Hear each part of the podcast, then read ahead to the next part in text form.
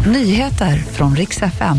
Skottdagen ställde till det för ICAs betalningssystem under dagen och en diskokula, ett skyddshelgon och ett lejon har setts i centrala Stockholm idag. Vi ska börja med att en pojke i yngre tonåren det är den tredje person som dog i tågolyckan ikväll enligt polisen.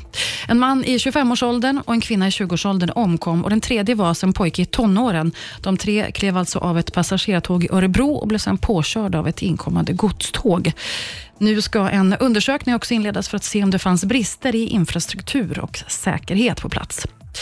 ICA har problem med sina betalsystem. Inga kortbetalningar fungerat idag och det gäller butikerna och apoteket Hjärtat. Men det här det beror inte på någon hackerattack utan på att det är skottdagen idag.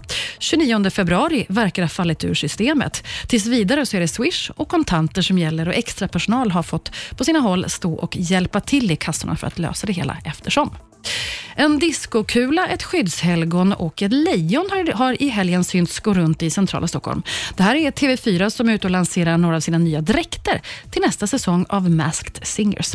I vår är programmet tillbaka och totalt 12 kändisar ska gömma sig i olika masker, bland annat de här tre. Jurypanelen verkar vara densamma som förra året. Och Det var nyheterna. Jag heter Maria Granström.